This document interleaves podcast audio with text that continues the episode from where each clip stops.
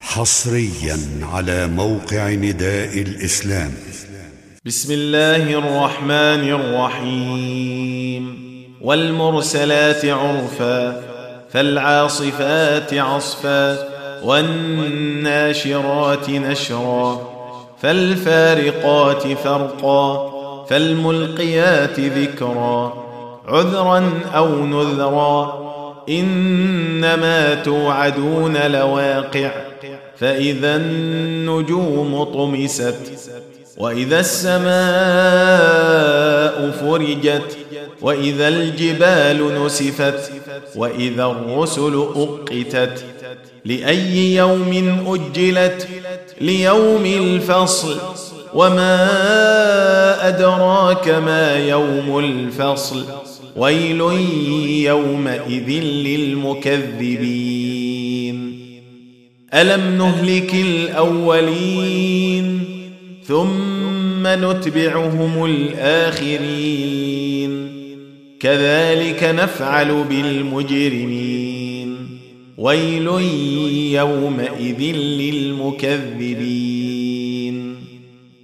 ألم نخلقكم من ماء مهين فجعلناه في قرار مكين إلى قدر معلوم.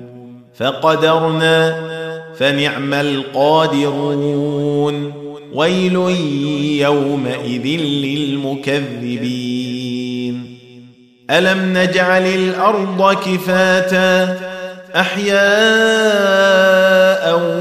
وأمواتا وجعلنا فيها رواسي شامخات وأسقيناكم ماء فراتا.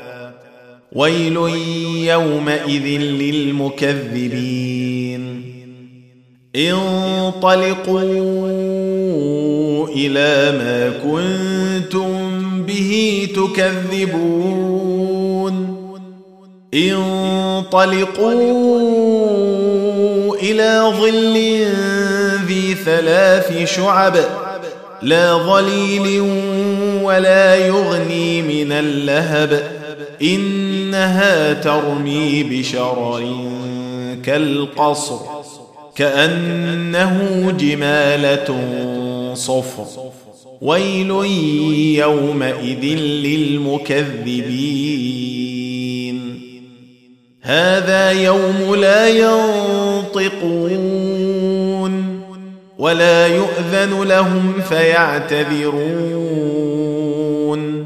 ويل يومئذ للمكذبين.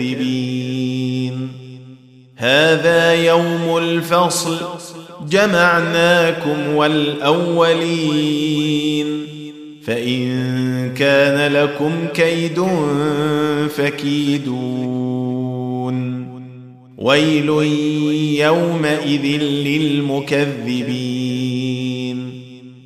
إن المتقين في ظلال وعيون. وفواكه مما يشتهون.